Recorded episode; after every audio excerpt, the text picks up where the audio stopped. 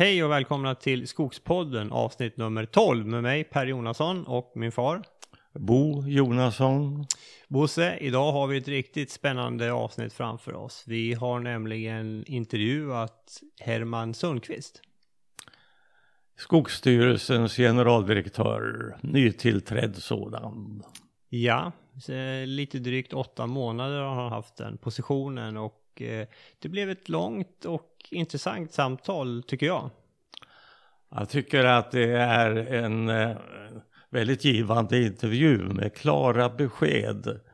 Eh, väl framförda i väldigt många högaktuella frågor. Ja, definitivt. Ja, och eh, som sagt intervjun blir ganska lång så man får dela upp det och lyssna på flera gånger om man eh, tycker det blir för långt. Eh, men innan vi lyssnar på eh, intervjun, Bosse, så ska vi presentera vår nya sponsor. Bosse, vad är det för motorsåg vi hör i början på varje avsnitt? Det är en Husqvarna 55 En trotjänare på gården med långt svärd och mycket effekt i motorn. Ehm, det är eh, lite musik. Det är lite musik för oss. Husqvarna är nämligen vår nya sponsor. Eh, ni som eh, jobbar i skogen känner säkert till företaget förstås. En ledande tillverkare av utomhusprodukter, motorsågar, röjsågar, trimmers och gräsklippare. Både för proffs och seriösa amatörer som oss. Mm. Eh, det som är kul med Husqvarna också är att de är väldigt innovativa och satsar mycket på produktutveckling. Och det ser man ju inte minst i deras nya linje med batteridrivna produkter. Ett tekniksprång. Det får man säga. Eh, bra både för eh, oss som, som eh, jobbar, vi slipper andas in bensinångorna, också bra för planeten. Absolut, eh, jag kan tänka mig också det här med en något sån här tystgående röjsåg. Om man i undervisningssyfte så måste det vara bra att det en instruktör säger inte dränks av ett motorljud. Ja, klar win, win, win. Nu har inte vi testat de här batteridrivna produkterna, men det kommer vi att göra. Så där kommer vi tillbaka och, och berätta lite mer om det. Eh, vi kan eh, också värt att nämna om Husqvarna är ju att de har börjat tillverka en eh, egenutvecklad eh, sågkedja. Ska bli intressant. Den ska vi testa också. Vi återkommer till den. Mm. Så kika gärna in på Husqvarnas hemsida så hittar ni massor av information om de här produkterna. Alright, Bosse, låt oss lyssna på intervjun. Vi sätter igång. Hej Herman och välkommen till eh, Skogspodden. Tack så mycket. Vad kul att du ville vara med. Ja, det är kul tycker jag också. Ja, vad bra. Eh, du, vi kan väl börja med att du berättar lite om dig själv och din bakgrund. Eh, ja, jag heter Herman Sundqvist. Jag är norrbottning av födsel och ohejdad vana. Eh, jag är 53 år. Jag bor utanför Luleå och är alltså född och uppvuxen där. Eh, jag... Eh, nu ska du klämma dig på någon knapp här. Jag ökar volymerna lite grann. Okej, jo. Jag bor i en by utanför Luleå på landet. Jag är gift och har tre barn. Två är utflugna. Ja. Eh, Yngsta bor fortfarande hemma och går i gymnasiet. Ja, jag är generaldirektör på Skogsstyrelsen. Jag har jobbat med, med skog. Jag var ju drygt 20 år på Sveaskog och tidigare Assi Domän. Mm. Jag är själv skogsägare. Eh, sen är jag hängiven fågelskådare också. Mm. Ja, Du var ornitolog. Ja, Ja. verkligen. Och har ett förflutet inom fältbiologerna. Ja, då, då är det ju en ungdomsorganisation. Ja, så då, det. då var jag ju... Det var ju när jag var 16-17 år sådär. Ja. Men, men eh, fågelskådandet det är ju, det är ju en livstidsdom. Ja, ja, ja. ja. Det går hur, det hur, går många aldrig har du, hur många har du på din lista då? Den klassiska frågan. Ja, Ja. Jag har inte ja, sett drygt 300 arter i Sverige. Det är ju ofta det som det pratas om. Men jag har sett ganska många i Norrbotten. Ja. Och det, är- det, det, jag har sett vad är det, knappt 260 arter i Norrbotten och det är svårare. Det är bra. Då måste man eh, både vara hängiven och, och vara... Och dessutom är det bra att vara lite äldre också. För då har man ju hun- hunnit ta del av märkliga fynd som var för 30 år sedan. Ja. Värre om man är 25 år idag, då har man ju missat dem. Ja, sant. Men det kommer ju å andra sidan kommer det in nya arter hela tiden. Ja. Men du har ju också eh, du har ju disputerat på SLU också. Ja, det har jag gjort också.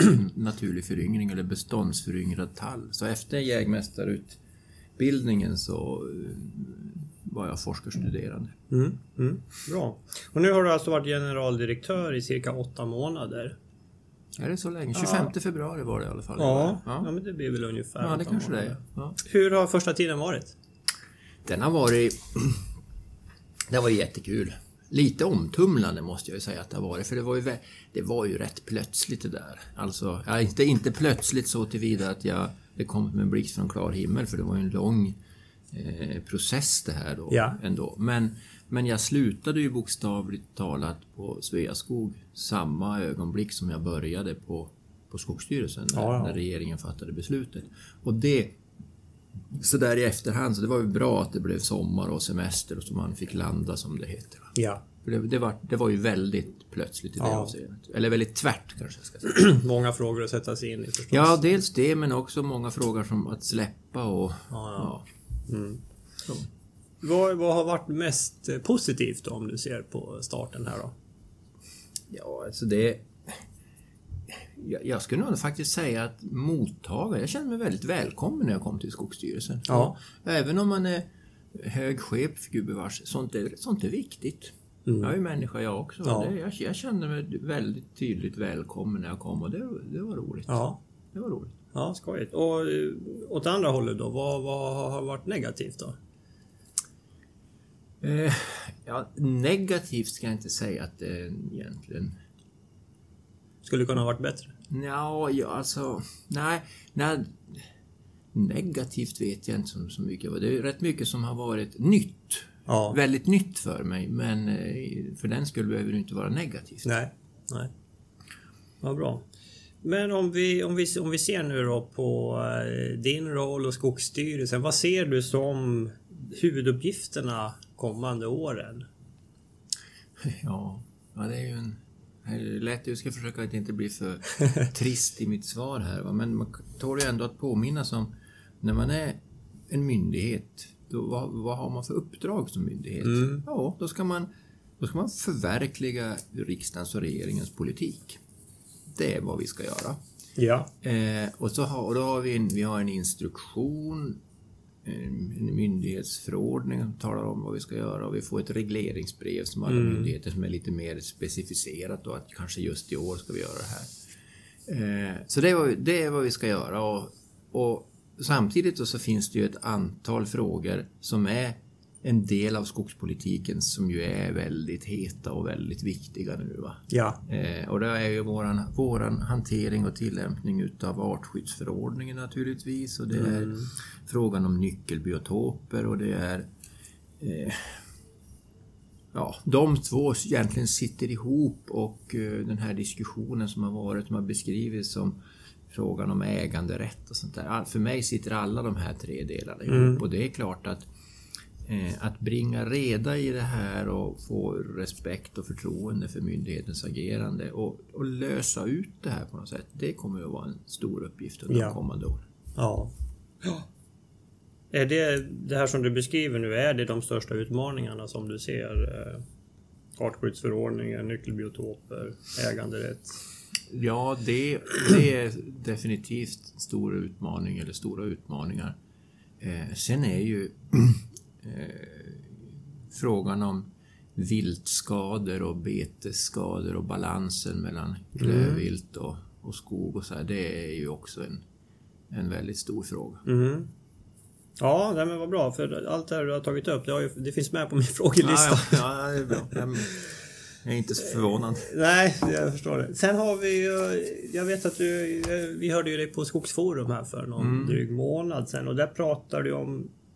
Pratar om flera saker, men bland annat det här med att få upp lönsamheten för det privata skogsbruket. Hur ser du på det? Jo, det- ja... Det, utmaningar. Man kan ju prata om utmaningar i alla möjliga perspektiv. Eh, och jag kan ibland känna att att skogsbrukets och skogsnäringens lönsamhet tas lite för given. Va? Ja. Eh, ibland så tycker jag kanske att det kan bero på att vi blandar ihop, alltså om skogsnäringen eh, är ett samlingsnamn för skogsindustri och skogsbruk Mm. eh, så är ju faktiskt eh, skogsnäringen i Sverige, framförallt då skogsindustrin, är ju i vissa perioder väldigt, väldigt framgångsrik och väldigt lönsam. Och då kan det ju handla om sådana saker som hur, hur ser det ut med hur är världskonjunkturen, hur, är, hur står den svenska kronan mot andra valutor och sånt där. Och då kan vi Ja. läsa ibland att nu gör det och det skogsbolaget eller skogsindustribolaget gör väldigt stora vinster. Eh, sen kanske det är mindre och sämre någon annan gång. Men, men det här tror jag gör att eh, det är lätt att klumpa ihop det och utgå från att också skogsbrukandet är väldigt lönsamt. Och det där är jag, ser jag med oro på för, för så är det ju inte alltid. Nej. Eh, Det är vissa saker i skogsbrukandet som vi tar för givet att det ska vara lönsamt. Men redan idag så är ju en, en, en första gallring som är inte så hög medelstam och kanske lite taskigt avsättningsläge med långa transportavstånd och, och långt från industri. Det är ju ingen självklarhet att det överhuvudtaget ska gå ihop sig. Nej.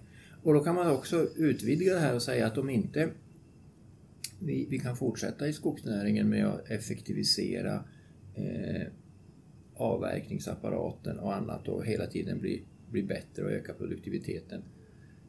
Ja, då är det ju ingen självklarhet att andra gallringar heller ska vara lönsamma. Det är ju ingen naturlag att skogsbruket ska vara lönsamt. Nej. Och det är ju en, en väldigt viktig fråga. Mm. Mm. Jo, och vi, vi pratade ju lite här innan det här med... Vi håller till exempel på med stamkvistning och idag får man ju inte riktigt betalt för hög kvalitet, tycker vi. Nej. Det är, men det är, ju, det är ju tillgång och efterfrågan och marknadskrafter så det kan man inte, kan man inte göra. Det är ingen idé att, att, att, gråta för att ingen vill betala mer för virket. Man kan försöka, vilket, Sverige, vilket ju är viktigt i Sverige, att öka eh, fler användningsområden för virket. Mm. Tidningspapper är ju, är ju, visar ju en trist trend. Jag brukar Ja. ställa frågan hur många man känner som är yngre än, yngre än 40 och prenumererar på en morgontidning. Ja. Det är inte så många. Nej, nej. Det kan man väl läsa på nätet eller titta på padda. Va? Eh, Så det behövs ju någonting som ersätter den tidningspappersförbrukning som har varit. Mm. Och i förlängningen så är det ju helt avgörande för, för skogsbrukets lönsamhet. För att även den vackraste timmerstock består ju av 50%, till 50% av något annat än plankor och brädor. Mm. Samtidigt som det privata skogsbruket får ju 70 till 75 procent av sin, sitt netto ifrån sågtimmer. Jo, men alltså det jag menar är att sågtimmer är jätteviktigt och det känns ju som att det är ju klimaträtt och allting va, att bygga hus av, av trä.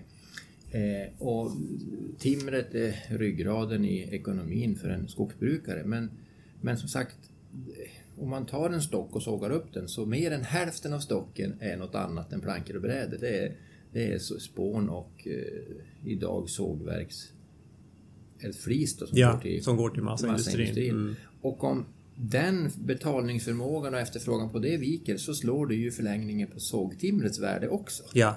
Och det är det jag menar som är, det är jätteviktigt. Mm. Jo men det är det ju, absolut. Jo men där har vi, vi ser ju många ställer om mot kartong och, Ja. och vätske...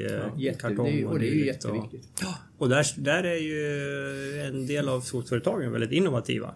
Mm. Och kanske behöver bli ännu mer innovativa. Absolut. Mm. Eh, ja, vad, vad ser du då? Hur, alltså, hur rent alltså, privat skogsbruk då? Eh, hur, hur kan eh, Skogsstyrelsen vara med liksom, och, och hjälpa till att driva de här frågorna då, om, om lönsamhet?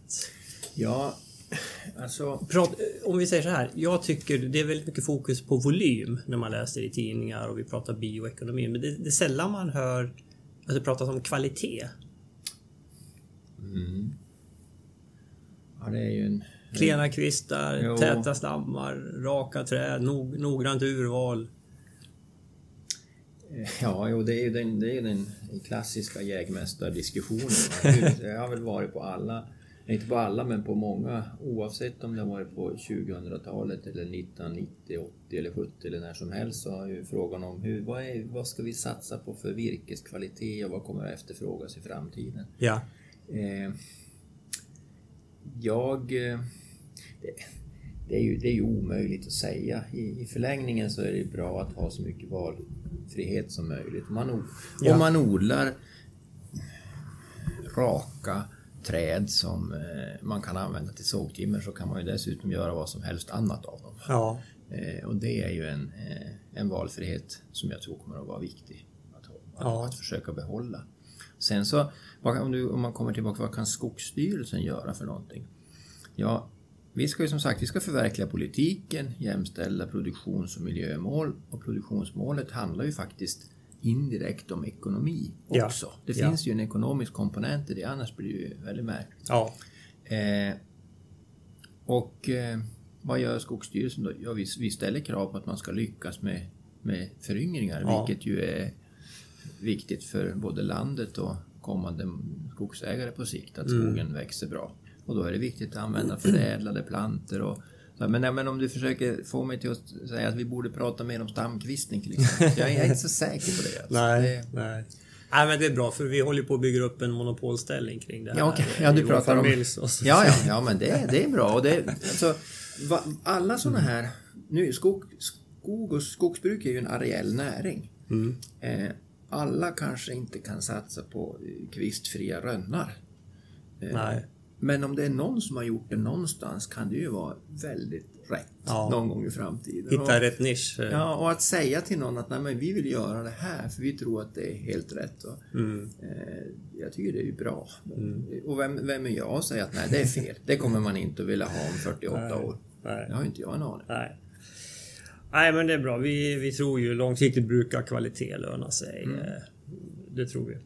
Eh, en annan sak som slår en när man följer debatten. Det är ju lite grann den här pajkastningen som finns emellan miljörörelsen och skogsbruket. Och ja, ja, du har ju en, en blogg, du hade en på Sveaskog också och där kan man se i kommentarsfältet kan det vara ganska hetska toner ibland. Ja. Vad kan man, eh, varför, varför är det så här?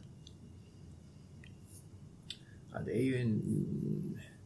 Nu är det ju inte så att det är ju inte bara i frågor om skogen som det är häskatoner i kommentarsfält utan det är väl närmast ett samhällsfenomen det här att i den digitala världen man sitter bakom tangentbordet så jag tror inte vi människor riktigt är vi är ju inte riktigt rustade för att kommunicera på det sättet. Mm.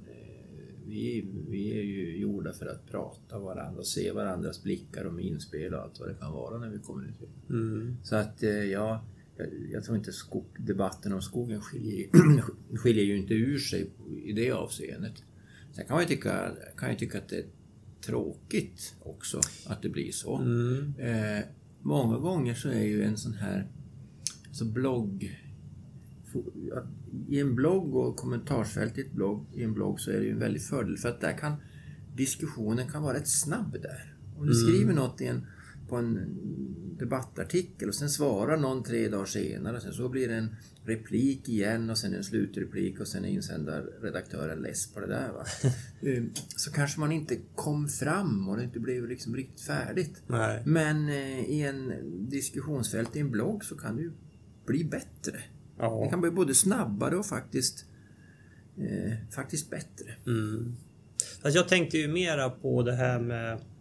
För det blir ju som två läger. Va? Det ena liksom, om vi ser miljörörelsen, idealsituationen där det är liksom nationalparker mer eller mindre. Och, och, sen, och, de, och så blir det ett pajkastning då mot, som jag tolkar det, mot storskogsbruket. Där man liksom jobbar med eh, monokulturer och korta omloppstider och schablonmässiga åtgärder. Men det, det måste ju finnas någonting däremellan.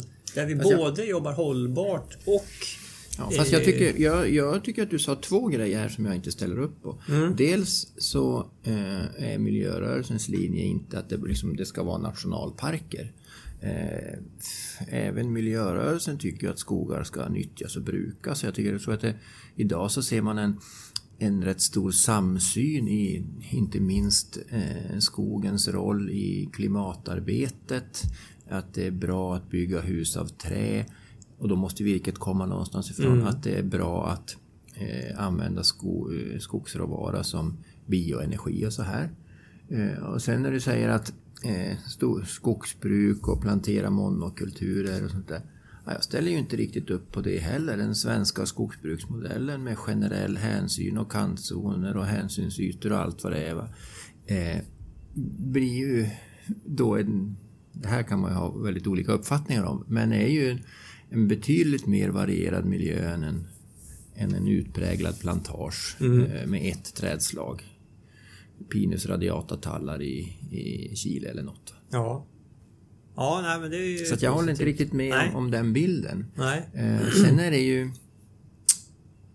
Ja, sen är det ju olika uppfattningar som många gånger är närmast ideologiskt betingade. Eh, och att då bli helt överens, det, det går ju inte Nej. riktigt. Men jag är övertygad om att man, att eh, man kan föra diskussionen framåt så att det blir så att säga bättre ur alla aspekter. Ja. Allting som vi gör idag kan vi göra bättre brukar jag säga. Och det Ja. är ju, jag har börjat inse att det är rätt svårt att säga emot det. Ja, ja. ja men absolut. Nej, men det håller jag med dig om. Ja. Mm. Nej men okej. Nej men eh, det är bra för jag, jag, jag, vi, så jag anser ju också det skogsbruk som vi bedriver Alltså den, den småskaliga privatskogsbruket. Att man både kan ha en hög biologisk mångfald och ett, jobba med ett hållbart skogsbruk men även få en bra lönsamhet. Jag menar det är ju liksom själva utgångspunkten. Och det är det jag tycker man tappar bort lite grann när det blir den här skyttegravs pajkastningen emellan. Men, men eh, eh, jag har inte... Det, det kan vara som du säger att det kanske inte är så farligt med just de bitarna. Det är bra i så fall. Ja, sen ska man komma ihåg att de här, de som om man ska kalla det för pajkastning, de hårdaste orden eh, från båda håll, det är ju rätt få egentligen i, människor inblandade som är de mest uttalade och skarpaste kritikerna av Ja. den andra, eller meningsmotståndare om man säger Ja, så. ja, så kan det nog vara. Du, om vi tittar på ett annat område, Herman, här. När det, vi har fått in lite eh, lyssnarfrågor som jag tänkte vi skulle titta på. Vad, vad är dina tankar kring rekrytering av kompetens till, till branschen, till skogsbranschen? Eh, Du frågar ju inledningsvis om stora utmaningar och det där är ju, en, det är ju verkligen en jätteutmaning. Ja. Eh, om de skogliga utbildningarna inte eh, fylls, om vi kategorier utav människor, om jag säger så, i landet som inte, som inte vet om eller känner till skogsbranschen och därför inte söker sig till den alls, så innebär det ju att redan där så går vi ju miste i skogssektorn Ja. om, om viktig kompetens för att det gäller ju att hitta de bästa. Ja. Och då, då, då är det inte bra att söka i ett begränsat urval om man ska hitta de bästa. Nej. Det är egentligen ganska enkelt. Och det här, det här är en jätteutmaning att, att göra skogssektorn intressant för ungdomar. Ja. Det är verkligen en utmaning. ja. Hur kan vi förbättra det? Genom att berätta om vad vi gör, genom att eh, sk- skogsnäringen ska prata mindre om virkesförrådsdiagram och mer om känsla och betydelse och att göra att, att vi i skog handlar om en, en förnybar resurs, om förnybar materia, viktig i klimatarbetet. Här handlar det om, och det är viktigt att den hanteras och sköts både på ett hållbart och framgångsrikt och Ja. utvecklat sätt och allting. Att, att sälja budskapen på, med ett positivt anslag som går hem hos ungdomar. Mm. Det, det, Där behöver hela sektorn bli bättre. Ja. ja, men det tror jag med. Jag har ju pratat lite med mina döttrar inför det här samtalet. Och jag menar, de säger i grundskolan, det är inte så mycket liksom, prat om, om skogen där och vad den ger och sådär. Så där, där tror jag vi kan bli bättre. Ja, verkligen. Och, och just på vad, hur mycket den producerar som vi använder i vårt dagliga Ja. liv. Ja. Eh, om vi tittar på den digitalisering som pågår nu. Mm. Och där får man ju ändå säga att Skogsstyrelsen jobbar ju väldigt aktivt med Mina sidor och de markfuktighetskartor och, och man kan gå in och mäta volym och areal. Vad, vad ser du mer för liksom, eh, möjligheter som det här ger upphov till? Jag Ja, det var bra att du tog upp mina sidor för det där är ju någonting som det är lätt att vara stolt över eh, när man är på Skogsstyrelsen. Eh, vi, är ju, vi är ju mitt i ett tekniksprång. Ja. Alltså om, om steget från, från motormanuell avverkning till tvågreppsskördare var ett tekniksprång och engreppsskördaren också var ett tekniksprång så är det här ett tekniksprång på precis samma sätt. Planeringsarbetet eh, underlättas ju något alldeles oerhört utav detta. Eh, möjligheten att välja rätt bestånd underlättas. Och, och, och inte minst, minst då det här med skonsamhetsaspekten, att där kan vi köra utan att det blir skador. Det är ju, det är ju en, egentligen en fantastisk kombination utav att förbättra både effektivitet och skonsamhet. Och dessutom är ju det här som jag upplever, det är ju bara början. Ja. Vi har ju precis börjat på det här. Vart det tar vägen, det är ju svårt att säga med en sån här utveckling. Vi kommer att kunna få mer och mer detaljerad och skarp, detaljerade och skarpare uppgifter om skogen med, eh, med digitala data. Ja. I fortsättningen så kanske apteringen av stocken, eller i framtiden kanske apteringen av trädet redan är klar eh, när skördaren närmar sig. För att det är inskannat och klart, så här ser det ut. Eh, och som sagt, ur, ur skonsamhetsperspektivet och naturvärden och sånt där så är ju också informationen öppnar ju oerhörda möjligheter. Så att jag, jag tror att vi är bara i början. Ja. Så som vanligt så har man svårt att, att, att se de flesta har det i alla fall Ja. svårt att se framför sig vad, vad kan det här bli? Ja. När, är, när vi är framme, när vi, eller framme kanske vi aldrig är, men när vi har kommit ytterligare längre fram. Har ni några spännande projekt på gång där som vi kommer att se inom en snar Eh, framtid? Ja, det har vi. Senast i veckan här så fick jag en, en dragning utav Skogsstyrelsens geografiska informationsenhet. Och Ja. ser väldigt spännande så här kartmaterial om hur framkomlighetsaspekter och sånt här kan eh, komma in i kartmaterialet också. Hur de här, eh, alltså de här markfuktighetskartorna och, och lutning och annat, det är ju Ja, de går ju att göra mycket bättre än vad de är Ja, idag också. ja. Så jag ser att det här, det här går framåt hela tiden. Kul. Mm. Ja, men det ser vi fram emot. Och då ska jag, jag vill understryka det också. Det här är ju... Om, man, om vi kommer tillbaka till de här eh, data om virkesförråd och bärighet och sånt där, Det är ju någonting som underlättar skogsbrukandet också. Ja, det är ju är det. egentligen ett ganska tydligt exempel på hur Skogsstyrelsen gör det lättare för eller ja, möjliggör en bättre ekonomi Mm. i brukandet för, för skogsägare. Ja, men visst är det det. Och det är ju, det är, det här är, det är dessutom, det är ju modern rådgivning det här. Att, att skogskonsulenten kommer hem och dricker kaffe på förmiddagen och åker ut i skogen på eftermiddagen. Så var det en gång i tiden. Så är det inte nu. Nej. Eh, nu kan du gå in på mina sidor och se, eh, här kan jag gallra. Och jag ska nog sluta verka det där beståndet först. Mm. Ja, men det är bra. Du, du ska visa en bild för dig som Mhm. jag tycker är ganska eh, talande. Den där kanske du har sett? Eh, Det är från Södras medlemstidning, Mm. eh, ett nummer här i somras.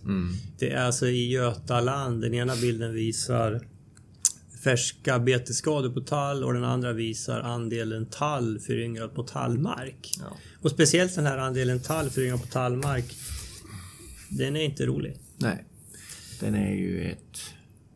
Den är ju alarmerande röd på bilden du visar Ja. mig och det är ju en alarmerande situation. Varför har vi valt att ha världens tätaste älgstam i Sverige? Eh, ja, det är en bra formulerad fråga. För att... För att vi har tyckt oss ha råd, tror jag.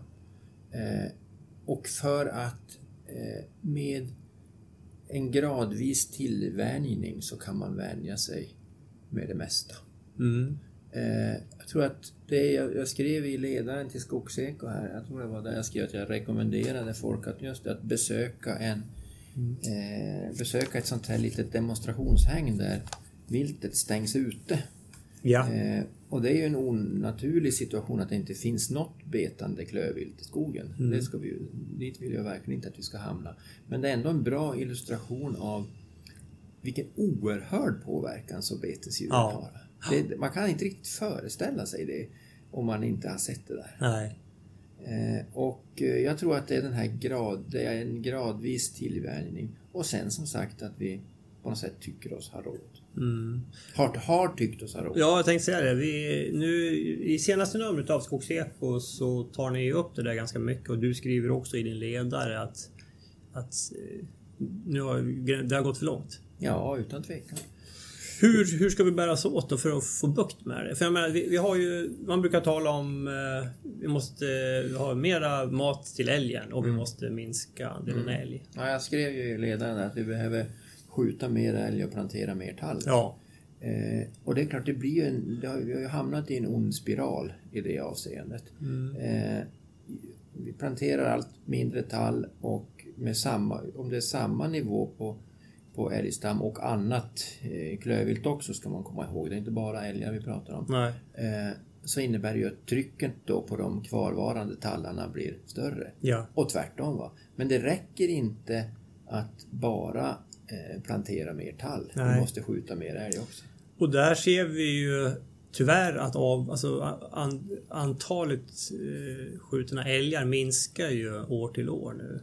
Mm. Vi är ju nere under, under 90 000. Eh, så, så där känns det som att vi skruvar åt fel håll på den kranen.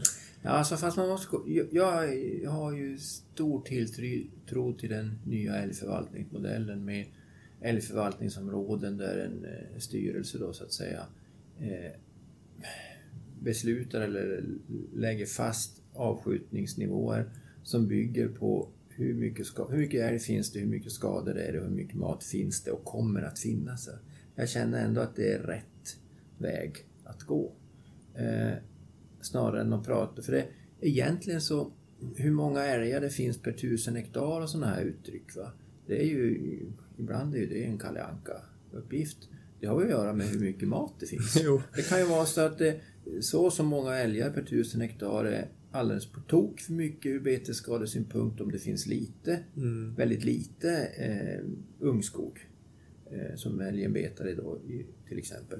Och är det istället så att det finns väldigt, väldigt mycket ungskog så skulle, eh, skulle skogen kunna bära ännu fler älgar utan att det blev skador som var oan, eh, oacceptabla. Helt så att, riktigt. Så det, är, det är jätteviktigt att se helheten i det här och där, där är de här älgförvaltnings eh, den här nya modellen som både skogsägare och, och jägare liksom ställer upp på, den är jätteviktig. Jag tror det är rätt väg att gå. Ja, det har ju, den har ju pågått ett antal år nu och vi, Ja. har ju inte, vi har ju inte riktigt sett resultatet. Nej, men man ska komma ihåg att ett, ett par år, va? hur många år på nacken har det? Tre eller fyra? Ja, det är ju, fyra, fem. Ja, men det är ju väldigt lite. Det, är, Ja. det här är ju ett, om vi tänker på hur det är som när man diskuterar den svenska skogsbruksmodellen och säger att ja, men det här börjar jag ha synpunkter på. Det är ju, vi har hållit på med det i 20 år, vilket ju i ett ekologiskt perspektiv är närmast en grisblink. Då. Eh, att, att, prata, att börja säga att den här älgförvaltningsmodellen inte funkar när vi har haft den i några år och det dessutom är ju en inkörningsfas och sådär. Nej, det här, det här ska vi hålla i och fortsätta. Nej, tycker Herman, jag, jag tror inte, jag har inte hört att någon säger att den liksom inte funkar men det finns ju, alltså själva grundnivån på liksom antalet älgar, den går ju inte älgförvaltningsområdet in och styr. Man, man, man pendlar ju liksom ändå kring ett, ett läge. Det är inte som man säger att nu ska vi halvera eh, andelen älg. Jag, man, man, jag tror inte man vågar göra det för det, det här är eh, det bygger ju på att man har haft en, en, en viss mängd och det är svårt att gå ifrån det. Och det ser vi ju, jag menar här i, runt i, i, Småland, det, det planteras ju noll tall i vissa områden. Nej, det, det, det sitter ihop. Ja. Alltså, avsky, men det, det är ju inte älgförvaltningsområdena som bestämmer hur mycket tall som ska planteras. Det är ju varje markägare Ja, som har, har det beslutet. Men det handlar ju om tilltro. Jag tycker mig se här att det lyser ändå en något ljusare färg i det här mera tallområdet eh, i, Småland där det här skogsstyrelsedrivna projektet tillsammans med markägarna som har syftat just till att vända trenden för att få till mer tallplantering, den, den skiljer ut sig där. Och det är ju ett det där är ju ett exempel som vi vill ska sprida sig. Mm. Att faktiskt både för det, blir ju, det går ju att vända den onda spiralen. Vi måste vända den onda spiralen. För Ja. det, det är klart att ju, om markägare ser att rågrannen planterar tall eh, och det, det har ju gått bra så här långt. då ökar ju det på tallmarken där. Ja. Då ökar ju det sannolikheten att rågrannen också ska plantera tall. Och för varje som gör det så allt annat lika så kan man säga så minskar ju betestrycket. Jo. Allt annat lika. Ja. Men vad, vad, vad, hur driver ni frågan då? Är det genom det här projektet med Ja. tall? Till Ja, dels det och sen genom då Ja. det här till exempel det vi skriver i, i, i Skogseko senast. Ja. Vi sammanställer ju EBIN-resultaten också och kommunicerar kring dem. Och sen kan man ju alltid ställa sig frågan om borde Skogsstyrelsen göra mer? Va? Och det är ju en eh, det är ju alltid en befogad fråga. Mm, mm. Jag tycker ju Abin är fantastiskt bra för det ger ju ett verktyg till Ja. att mäta det här. Men Ja. jag tycker väl att jag ser ju inte riktigt att man styr med det verktyget tillräckligt bra. Det är, väl- det är väl det jag... Och där tror jag att Skogsstyrelsen tillsammans med faktiskt Naturvårdsverket kan hjälpa till. Mm. Ja, kanske. Kanske? Kanske. Ja, som sagt, eh, älgförvaltningsområdesgrupperna är väldigt viktiga. Ja, det är de. Absolut. Ja, jag har kontakt med ordförande där och vi för en eh, bra dialog tycker jag. Men, eh, men det här är ju det är oro, oroande. Ja, det är värre än så. För, det, för här kommer ju, jag ser ju, vi har ju en, en eh, fastighet i, utanför Vimmerby och där är ju runden håller på att försvinna helt. Tyvärr. Mm. Eh, nu visar jag en annan bild. Jaha, spännande det här. Ja. Eh, det här är en bild över eh, Sverige. jag, jag, vet, jag tror jag vet vad det är Du tror du vet vad det är för något? Ja, jag misstänker att det är ett utdrag från Artdatabanken när det gäller eh, lavskrikefynd eller något. Det? Ja, helt rätt. Och det här är alltså eh, observationer under 2016. Mm. Och eh, så vi har ju, har ju fått in lite eh, lyssnarfrågor och en fråga det är ju just kring, eller flera frågor ska jag säga, det är ju just kring den här artskyddsförordningen och är det så att vi har håller på att överimplementera den? Eh, ja, nu, det här är ju en, eh, en intressant frågeställning och här ska jag ju tänka, jag uttrycker mig, det här är ju rättsfall på gång. Va? Ja. Så här ska man, inte minst därför ska man ju tänka vad man säger. Men artskyddsförordningen, den har, den har ju regeringen beslutat. Och som myndighet då, som ska föra ut regeringens politik, då, då ska ju vi, vi ska ju då tillämpa den. Eh, Så frågan om den är överimplementerad i, i, när det gäller hur själva artskyddsförordningen är formulerad, det är, det är en fråga som man inte ska rikta till mig. Det ska jag egentligen inte ha någon, någon synpunkt på i det avseendet. Fast det är ju ändå ni som har gjort tolkningen att lavskrikan Ja. är hotad. Ja, jag tänkte komma till det. Däremot tillämpningen av den, eh, den är ju kritiken mot, har man kritik mot hur den tillämpas, ja det ska man ju rikta mot Skogsstyrelsen och, och Naturvårdsverket. Eh, verkligen. Eh, nu då, när vi tillämpar den här, eller jag ska också lägga till att det är, det är ju en knepig materia. Det är ju därför som Björn Risinger på Naturvårdsverket och jag, alltså Naturvårdsverket och Skogsstyrelsen, vi har skrivit brev till regeringen och sagt att vi tycker att det finns anledning att se över den här för att säkra att den är effektiv, rättssäker och tillämpbar. För det är ju helt enkelt där vi Ja. tycker att det finns frågetecken kring hur vi ska hantera det här så att den blir just effektiv, rättssäker och tillämpbar. Ja. Men så länge den finns så måste vi tillämpa den. Eh, och nu har vi de här fallen i, i, i Hälsingland med, med lavskrike där ett, ett antal rättsfall. Eh, jag tycker ju det är bra. Jag kan säga att det var, det var väldigt viktigt för mig att Skogsstyrelsen fattade beslut. För Ja. i och med att vi har fattat beslut så kan man överklaga. Ja. Och, och det tycker jag är en viktig del i ett rättssäkert samhälle, att man ska kunna överklaga. Eh, och hur det än går med det här, eh, vi tror ju att vi har tolkat rätt och gjort rätt naturligtvis. Eh, eh, hur det än går med det så, så är det ju bra för att det, ja, bra, eh, bra i det avseendet att det blir en, en, en fa, fast punkt för fortsatt tillämpning. Det blir liksom en referenspunkt när vi har ja. att det blir någon form av prejudikat i just den där situationen. Men tittar man på den här, för jag menar, lavskrikan finns ju, alltså är du en bit norr om Ludvika då finns den ju i hela landet. Mm. Vad, vad kommer det här att innebära för skogsbruket då? då? Ja, hur menar du då?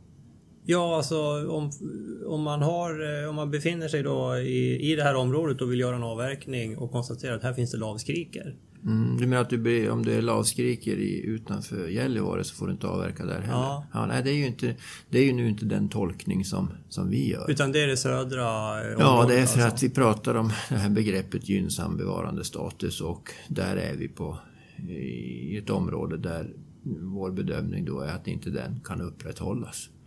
Eh, och det är, ja, som sagt, det är, den, det är den bedömning som vi gör, eller den tolkning som vi gör utifrån det regelverk som vi har att, att hålla oss till. Men, men Herman, du är ju, alltså du är ju... Du har ett förflutet som fältbiolog, eh, du är ornitolog, eh, skoglig doktor och har varit skogschef på Sveaskog. Anser du att lavskrikaren är hotad där utanför Bollnäs? Nu fick du till det med frågan här alltså. Ja men det kan, ju, Eh. det kan ju inte finnas många som Ja, kan fast- det här bättre än... Ja, fast du kan säga så här att jag... I det avseendet är det egentligen o, ointressant vad jag tycker. Utan jag ska tillämpa det regelverk som, som finns. Va? Om du är en polis som står och har fått höra att nu ska vi göra en hastighetskontroll här. Va? Eh, då spelar det ingen roll om du tycker att äh, det borde vara 50 här. Nej men alltså det spelar väl roll om du, om du anser att den inte är hotad på grund av en avverkning. Det spelar ju roll. Jo, fast då kan jag säga att i det här fallet så är våran bild att nej, här eh, upprätthåller vi inte gynnsam bevarande status om, vi, om den här avverkningen utförs. Det är ju därför som vi har nekat till den här avverkningen. Okej. Ja, här, här råder ju delade meningar. Ja visst, och det är därför som det är i rätten. Och det, och det var ju som vi sa när, när de överklagade de här, så det är bra. Är bra att det överklagas. Och sen har ni då eh, samtidigt bett om ett förtydligande ifrån från eh, regering och Ja, vi har bett och vi har signalerat att det finns en anledning att det finns anledning att se över den här Vet du hur, hur, jag menar, jag har en känsla av att sådana här ärenden kan ta ganska lång tid på regeringskansliet. Hur- Vad är status på det här? Ja, status är att som det står, jag tror stod inte det i budgetpropositionen också, att frågan bereds i regeringskansliet. Med andra ord, det ska man väl tolka som att de, ja, de sliter med det där och funderar på hur de ska göra. Ja, ja, där får du nog ligga på lite så det, blir, eh, så det händer någonting där. Det tror jag. Eh, ja, eh, för eh, just... Eh, det, det, det, finns ju väldigt mycket material om det här och, och eh, läsa om. För det finns ju, jag menar nu var det lavskrikan, sen finns det ju liksom, det finns ju andra vi har det här fallet med bombmurklan i Värmland eh, också och där hade ju där svarade man ju i en skrivelse att eh, personen i fråga som ville göra avverkningen skulle eh, ville veta vad han ska göra med pengarna och fråga om man kan sälja något annat eller kan han ta ett lån istället. På tal om det här med eh, alltså Ja, det var- äganderätten. Ja, jag ska bara kommentera det att det, det var ju inget lyckat svar. Det kan jag väl säga rakt upp och ner. Det, var inte Skogsstyrelsen men det har ingen, ingen betydelse egentligen. Det var ju inget, inget svar som jag tycker man ska lämna. Nej. Nej, nej, nej det var nej, bra. Jag, för jag tänkte just fråga om, om ni står bakom en sån här skrivelse. Nej, det gör vi inte. Eh, men eh, det som händer här också i det här fallet utanför Bollnäs det är ju att de här personerna får ju ingen ersättning. Nej. Hur... eh, Men är det rätt och riktigt? Ja, det, är ju, det är ju en av anledningarna till att eh, vi tycker att det finns anledning att se över den här eh, den frågeställningen. För att å ena sidan har vi eh, skogsvårdslagen och eh, det här med vilken hänsyn förväntas man ta enligt 30 paragrafen och gränsen när pågående markanvändning avsevärt försvåras när det, man inte ska som markägare behöva inom citationstecken tåla mer intrång. Det är liksom den ena, ena delen av Ja. det här. Och sen kommer artskyddsförordningen in och som säger att det är olagligt att genomföra den här avverkningen. Och när man gör, om, om man tänker göra någonting som är olagligt så får man ju inte ersättning för att låta bli att göra det. Så att det är ju två stycken regelverk här som möter varandra på ett sätt som vi inte är riktigt vana vid. Nej. Eh, så det, ja som sagt, det finns anledning att se över det här. Det är den signal vi har skickat. För det kan ju bli, alltså, det kan ju bli väldigt stora områden. Alltså, finns, det, finns det någon övre gräns på hur stor areal ett, ett sånt här uh, artskyddsärende kan bli? Det, det, det, det vill jag inte eh, uttala mig om, för det kan jag inte. Det är ju, hos mig på Skogsstyrelsen så är det ju våra experter på juristsidan som kan det här. Mm. Eh, Så att det, det, nej, jag passar på den, för det, det vet jag inte. Mm. Men vad, vad är liksom nästa steg då? Ärendet ligger för utredning. eh, Ja, och sen vänta, finns nu- det en domstolsprocess Nej, alltså, ut, dels så har vi skickat signalen till regeringen och Ja. det är där de bereder frågan i regeringskansliet. Ja. Eh, Men sen så är det ju då eh, domstolsprocessen här. Och Ja. när det kan förväntas komma en dom där, det vet jag inte. Det kommer säkert att dröja ett antal månader. Ja, ja. ja just det. Ja. Nej men det är ju, vi får ju lite kommentarer. Folk är ju lite oroliga naturligtvis. Ja, jag. jag läste i tidningen häromdagen att det var 51 stoppade avverkningar hittills i år. Ja, jag såg det, det var i ATL i tisdags. ja. Jag, jag, tyckte den var jag tyckte inte den var riktigt rättvisande den. Va? För att den, eh, där tog man med också såna här eh, vad ska jag säga, förbud och säga att du får inte a- sluta verka in till det här havsörnsboet under perioden februari till augusti eller något sånt där. Okej. Och det är, ju, det, är ju, det är ju egentligen, så har det ju varit enligt skogsvårdslagen länge. Ja. Va? Och det är ingen konstighet egentligen. Och det är ju dessutom eh, för i det enskilda fallet, det är en sak om det alltid blir så i hela Sverige, men så är, där är vi ju inte. Eh, men om det i det enskilda fallet så är det ofta en ganska liten inskränkning Ja. fakt- faktiskt. Eh, och att blåsa upp det så stort som det var gjort där, det tyckte jag tog kanske lite så gjorde bilden lite suddigare för det Okej. fanns ju samtidigt de här fallen som är som lavskrikan och bombmurklan och det är någon eh, tjäderlekplats också sånt där som är inte bara kopplat till att nu de här månaderna Nej. utan mer permanent. Ja. Då, som är, det är ju en annan en annan, annan tyngd, dignitet, tyngd, en annan dignitet i Ja, dem. ja men helt klart. Hur är det? Om du, vet, har du koll på liksom, his, historiskt, om du tar 2013, 14, 15, 16? Det här med liksom, hur, hur många stopp ni har satt för, för Nej, det har, alltså det, är, det har ju varit en ganska betydande kritik mot att den här artskyddsförordningen inte har implementerats. Ja. Den, den kom ju över 2008 eller vad det var och egentligen så har det ju först på de allra senaste åren, jag kan inte det exakt Nej. som det har börjat.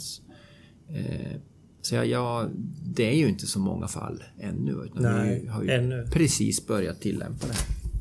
Ja, nej, men det är många oroliga att det här kommer att bli, eh, växa. Eh, för jag menar, när man brukar skogen, det, det blir trots allt en, en, en påverkan. Ja, det är klart. Och jag vet, du har ju, vi har hört dig nämna vid något tillfälle och även läst att eh, kalhygget är någonting man ska vara stolt över. Jo, jag, eh, jag brukar ju inte använda begreppet kalhygge för att jag inte tycker att hyggena är kala på samma sätt som de var förr i tiden. Eh, I genomsnitt.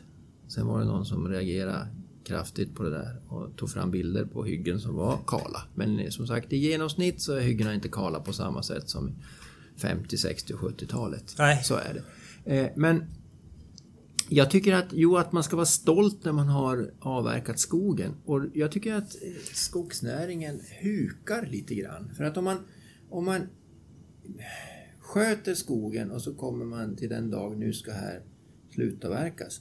Och så tar man bra hänsyn till naturvärden, alltså generell hänsyn gör man om man det blir inga körskador om man tänker på upplevelsevärden och man gör helt enkelt en riktigt bra avverkning. Ja. Då, tycker, då ska man vara stolt tycker jag. Ja. Istället för att nästan skämmas för det där. Då har man både, man ska vara stolt för att man har eh, hämtat hem eh, värdet av nästan flera generationers odlarmöda. Man ska vara stolt över att man bidrar med faktiskt någonting som är hållbart i vårt samhälle och förnybart, nämligen virke, Mm. förnybar materia.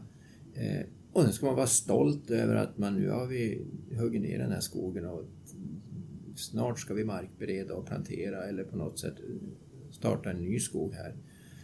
Jag saknar den stoltheten Mm. många gånger. Mm. Ja men det är bra. Det är väl någonting vi kan ta med oss. eh, Ja, det privata det tycker jag. skogsbrukare. Tycker jag. Absolut. Eh, du, en sista fråga angående artskyddsförordningen. Hur gör Finland? Eh, jag kan inte svara på det rätt och ner. Nej. Men, den, nej, men eh, alltså artskyddsförordningen, de har ju... De är med i EU också. Jo, och de har ju hur, de, hur deras tillämpning av art och habitat och fågeldirektivet som det handlar om. Eh, det vet jag inte. Men som sagt, vi har en artskyddsförordning som regeringen har beslutat om och då, då kan man säga att ur, ur vårt perspektiv så spelar det rätt liten roll hur, de- hur de gör i Finland. Alltså ur Skogsstyrelsens perspektiv har det rätt liten betydelse. Ja, nej men det kunde vara intressant för jag menar om det, Ja, om det är EUs, Ja. EU-direktiv så borde vi jobba på samma sätt kan man tycka. Eh, eh, ja, det kan man säga. Men jag tror det finns ganska många exempel på att eh, frågor, EU-direktiv hanteras olika i olika länder. Ja men precis. Och det är, väl, det, det, det är väl där ni har fått en del kritik om att, att här, vi tolkar det. Jag menar om Ja, fast- åker ner till Italien och... Men det, det, är, jag tycker det, här, det är ganska viktigt det här. Alltså att, att kritisera Skogsstyrelsen för att det finns en artskyddsförordning i Sverige, det är liksom inget bra. nej, det- det är nej. liksom då- nej då men det är väl skjuter man- tolkningen man... eh, Ja, alltså im, implementeringen, implementeringen, av ja. tillämpningen nu. Tillämpningen, ja. Implementeringen är för mig att, att hur artskyddsförordningen är formulerad utifrån att det finns ett art och ett habitatdirektiv. Men Ja. tillämpningen, det är Skogsstyrelsens Ja. och Naturvårdsverkets och Länsstyrelsernas boll alltså. Och där, eh, där är jag väldigt öppen för synpunkter och kritik. Den, Mm. den är, det är motiverat att rikta den mot Skogsstyrelsen då när det gäller tillämpning. Ja. Så att säga. Ja, just det. Och, det, och då, ditt svar är att okej, men nu låt oss pröva det här i ett rättsfall så vi ser var, Ja, alltså, vart det ligger någonstans. Ja, mitt svar är ju att vi må ju, vi må ju göra det vi tycker är mest rätt och bäst utifrån det vi har, det regelverk vi har att förhålla oss till. Mm. Eller som vi ska leva efter. Det funkar ju så i, i Sverige. Ja, nej, men vi får följa det. Eh, en annan fråga. Låt oss anta att jag är en, en skogsägare som vill producera grov kärnfuru med, med förlängd omloppstid, säg liksom 150 år, så jag får mycket kärnvirke. Är det en risk att en sån skog blir föremål för restriktioner så jag inte kan, liksom, när jag vill göra min avverkning när jag är 150 år, att jag, att jag blir stoppad på grund av höga, för höga naturvärden? Ja, hur gammal är skogen idag? Ja, om du, eh, vilka bedömningar eh, som görs om 50 eller 100 år från nu, det, det kan jag ju som inte svara på. Nej men vi har ju skog som är, vi har ju tallskog som är över 140 år till exempel. Ja, eh, Är det dumt? om det är dumt? Ja. Nej, Ska vi ta ner den genast eller? Ja, alltså ur ett ekonomiskt perspektiv kan ju möjligen diskutera om du Men om vi tycker om gammal tallskog Ja, när om vi får den här pansarbarken. Och... Ja, man kan ju börja med att konstatera att eh, skogsvårdslagen och skogspolitiken ger stora friheter. En gång i tiden så fanns det ju begränsningar på hur mycket gammal skog man fick ha. Ja. Så är det ju tack och lov inte nu. Nej. Du får göra det du tror på. Ja. Eh, om, om det här är en skött skog som har eh, som är gallrad i omgångar och så, så, så skulle det förvåna mig om den håller höga naturvärden. Men så gammal tallskog börjar bli ovanlig. eh, Så jag menar, Ja. typ, ser du en risk att... Det, det jag är ute efter är att om du liksom bedriver ett, ett väldigt ett skogsbruk där du jobbar med mycket med hög biologisk mångfald och höga naturvärden. Mm. Att det blir så pass bra att du blir, blir mer eller mindre straffad för det då? eh, På något Ja, jag, sätt. jag tog faktiskt upp den frågan på föreningen Skogens exkursion tror jag och pratade lite om det. Att I den, den svenska skogsbruksmodell som vi tillämpar eh, med naturvård i olika skalor i kombination med brukandet. Om, om vi lyckas riktigt bra med det så i en framtid så, så hoppas jag ju egentligen att all skog vi avverkar håller vissa eller betydande naturvärden. Helt enkelt för att vi har lyckats med konceptet. Ja. Eh, och det tycker jag, jag tycker att det är viktigt att börja tänka på det redan nu. Och då kan man ju formulera det som en, en, eh, en som du säger, att finns det en risk att skogen ska betraktas som eh, att den har så höga naturvärden så att den inte ska avverkas. Jag, jag vill ju se det som en möjlighet att vi ska komma i en situation. Nu här är det ganska höga naturvärden. Nu ska vi avverka det. Eh, och det är ett kvitto på att vi har lyckats i våran modell för att egentligen all skog som vi avverkar har eh, faktiskt betydande naturvärden. Mm. Ja, men det, jag, jag tycker det låter bra, men eh, jag, jag får ju lite signaler ibland om att, att folk är rädda för att det blir för höga naturvärden i sina skogar. Och då väljer man att gå in och göra en avverkning eller en, en sen gallring eller något. Och det, är- det är naturligtvis eh, Jo, inte bra. det, det, är ju en, det är ju en viktig signal. Va? För att om, om det skulle vara så att man avverkar för att minska naturvärden, då är ju det, det är som en, det var ju som emot hela tanken med, med att integrera naturvård och produktion som i olika skalor över hela arealen. Så din rekommendation är där att satsa på, vill du ha gammal furu då ska du satsa på det. Ja, det tycker jag. Men det, ibland så kan man ju mötas av att nej, men vi, har skött, vi sköter den här skogen eh, på det här sättet. Och om skötseln består i att i praktiken så har gjort absolut ingenting de senaste 80 åren. Eller så, då, ja, då vet jag inte om man har skött den riktigt. Man kanske har... Ja, det- man har i alla fall inte varit aktiv i sin skogsskötsel. Nej. Nej. Nej, okej, bra. Eh, vi börjar närma oss slutet på intervju. Vad tror, om du tittar lite framåt alltså, Herman, vad tror du om utvecklingen inom om svensk skogsbruk de kommande 20-30 åren? Eh, Ja, vi har pratat om utmaningar. Det är Ja. viktigt att komma till rätta med dem. Jag hoppas att eh, efterfrågan på skogsråvara kommer att öka i takt med att nya produkter eh, från skogen vinner terräng.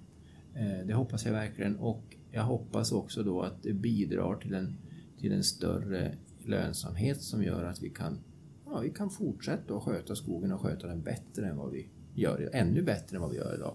För som sagt, allt som vi gör kan vi göra bättre. Oavsett om det är produktion och effektivitet eller naturvård och hänsyn. Ja. Avslutningsvis, vill du, vill du skicka med något budskap till, till landets alla 330 000 privata skogsägare? Nu har du chansen. Eh, oj, det skulle jag ha sagt i förväg så han, han förbereder mig. Nej, jag är ju också skogsägare. Det är ju fantastiskt att äga skog. Det är ju...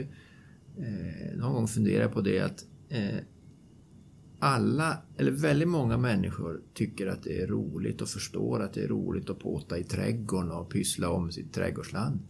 Skogsbruk och skogsskötsel är ju precis samma sak fast i en större skala. Ja. Det är ju vansinnigt roligt att röja till exempel.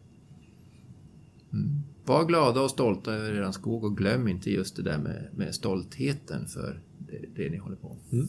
Ja men bra. Jag tror vi får sätta punkt för intervjun. Stort tack för att du kom. Tack så mycket.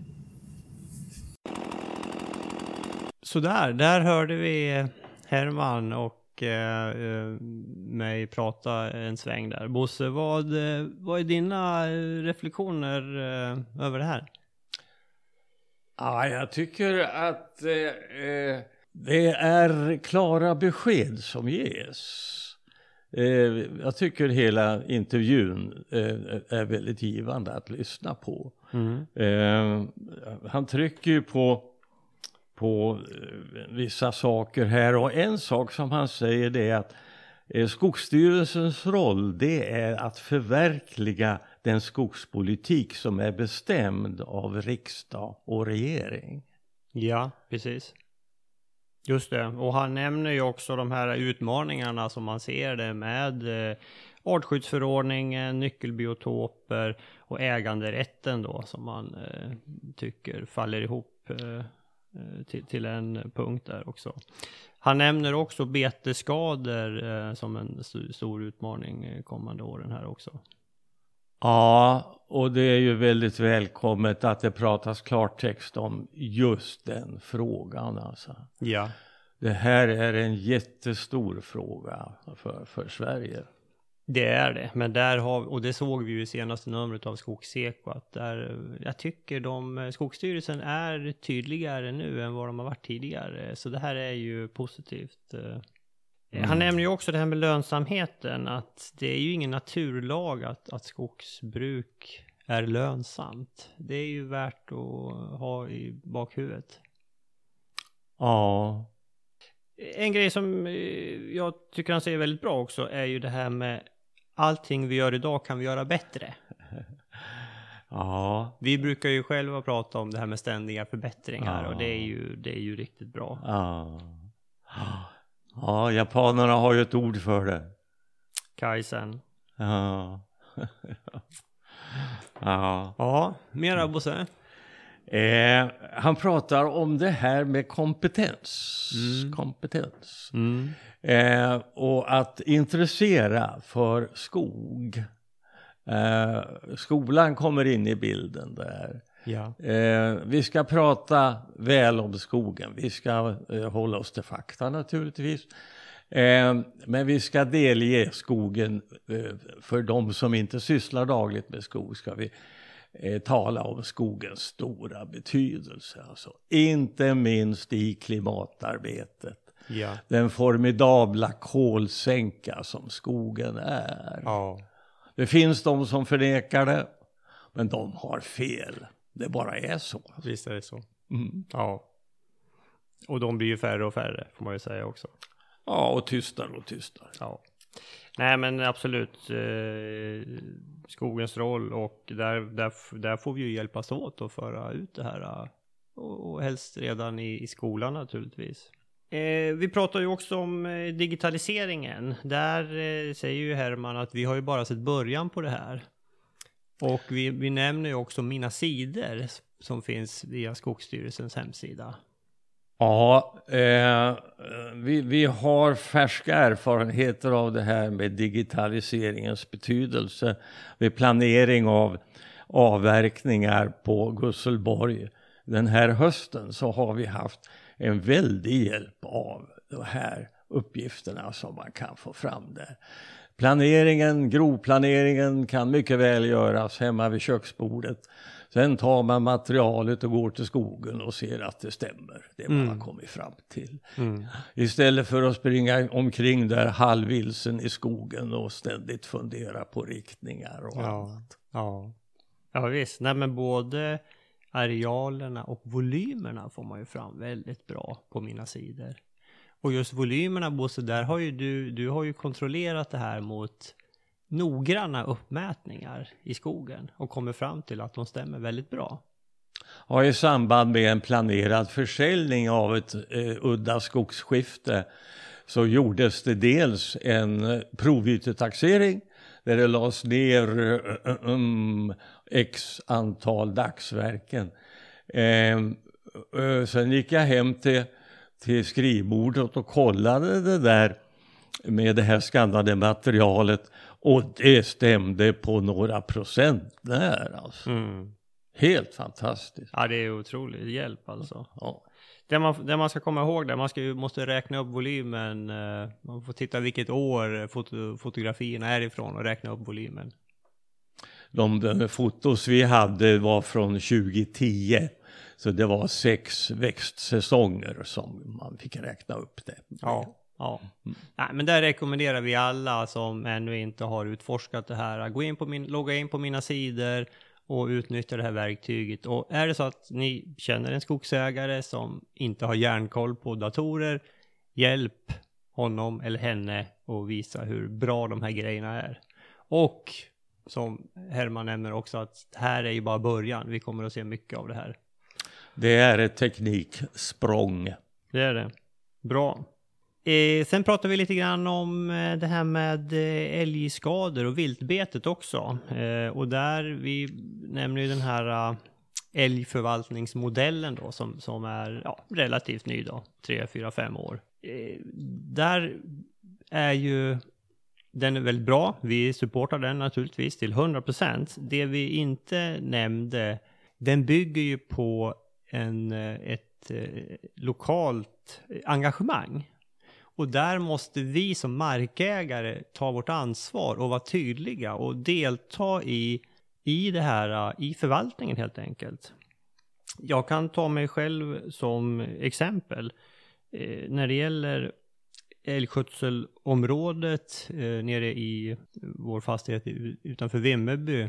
Där jag har varit med på älgskötselområdesmöten och, och gjort presentationer och visat på även resultat och visat hur det ser ut på vår tallsådd, hur stor kraftig betningen är. Även haft ut ordförande i älgskötselområdet och visat på det rent praktiskt, hur det ser ut. Även träffat ordförande i EFO, haft en diskussion med honom, pratat med Skogsstyrelsen och även Länsstyrelsen har varit i kontakt med. Bara för att vara jättetydlig att betningen är otroligt kraftig och det här är för mycket för oss. vi vill ha ner den. Nu kan i och för sig en, en eh, när vi har siffror på 13 procent eh, färska tall, betesskador på tall och 17 procent på produktionsstammarna tall så förstår ju en dresserad kräfta att eh, avskjutningen måste öka. Det är för mycket betesskador. Men man måste vara tydlig som, som ägare och ta den här diskussionen. Det följer med ett ägaransvar och äga skog. Ja, nyckelordet är ägaransvar. Att vara aktiv. Påverka, våga ta diskussionen.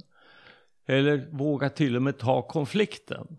Ja. ja, jag menar det är ju helt klart att man kan tycka olika, men man måste vara väldigt tydlig med var man, var man står och hur, hur det ser ut på ens aktuella skog. Jag menar, har man inte, har man inte problem, ja men då är det bra, då får man säga det. Och Bosse, jag vet du är ju väldigt aktiv här i Bergslagen, i området. Ja, ja, jag har fört skogens talan i älgskötselområdet under årtionden faktiskt. Ända sedan det bildades omkring 1990 tror jag det var. Ja. Sen har ju modellen utvecklats lite grann sen dess. Men eh, du har varit ganska ensam har du berättat också. Ja, det har jag varit. Mm. Ja, så där, där måste vi skogsägare bli aktivare. Ja. Mm. Ja, vad pratar vi mera om? Ja, vi kommer ju naturligtvis in på det här med, med artskyddsförordningen och de här pågående rättsfallen utanför Bollnäs. Och, och det här man säger som jag tycker, tycker är bra, det är ju det här med att han, han vill ju att den här eh, förordningen ska vara effektiv, rättssäker och tillämpbar. Och därför har de ju bett om det här förtydligandet från regeringen då. Plus att vi har de här domstolsfallen på gång då som Herman välkomnar för att få guidning. Ja, eh, vad hade vi mer? Jo, vi, en bra grej här. Herman säger det här med när man tar en eh, kalhygge eller en föryngringsyta. Att det är någonting man ska vara stolt över. Eh, om, man, om man visar den hänsyn som man ska och, och eh, man ska vara stolt över då att man hämtar hem värdet efter ibland flera generationers odlarmöda. Och snart har man en ny skog på plats som, som gör nytta för miljön också. Det här ska man vara stolt över, inte huka. Nej, och, och som skogsägare kan det ju bereda en, en, en väldigt stor tillfredsställelse att se den nya generationen när den börjar synas över hyggesvegetationen. När eh, toppskotten sticker upp över kruståten. Ja. Är en stor dag. Ja, en härlig syn. Ja. Eh, sen kom vi in lite grann på det här med eh, höga naturvärden. Om vi har en, en riktigt gammal tallskog till exempel. Och, och det här man säger att ja, förhoppningsvis så är all skog i framtiden som vi avverkar har höga naturvärden. Och det är väl, det är väl en bra grej att sträva efter. Ja. Visst är det det. Och eh, blotta åldern ska inte inverka på bedömningen av en skog utan det är naturvärdena som finns i den skogen. Alltså. Mm. Okej, Bosse? Ja, eh, Herman hade en slutkläm som vi inte får glömma. Nej. Vad sa han? Ja, han sa så här ungefär. Det är fantastiskt att äga skog. Det är vansinnigt roligt att röja. Var stolt över er skog. Ja. Det Han är själv skogsägare i Norrbotten. Just det. Det är ungefär som du brukar säga det här med eh, att det är roligt att röja. Ja, visst, självklart. Ja, ja eh, det är det absolut. Bra, nej men det där eh, var intressant. Ja, tack till alla lyssnarfrågor som ni skickade in. Tack till Marcus, Dag, Björn, Jonas, Rickard med flera. Jättebra, jag hoppas jag fick med de flesta av lyssnarfrågorna.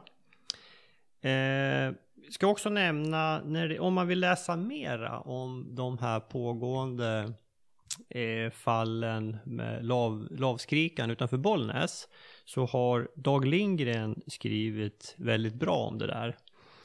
Eh, Dag Lindgren är eh, professor emeritus på SLU. Han har forskat inom skogsgenetik. Han har skrivit väldigt eh, bra om de här fallen som man kan eh, kika på om man är intresserad. Mycket fakta. Jag lägger en länk där på vår hemsida så kan ni gå in och läsa där. Bra, jag tror det var det hela.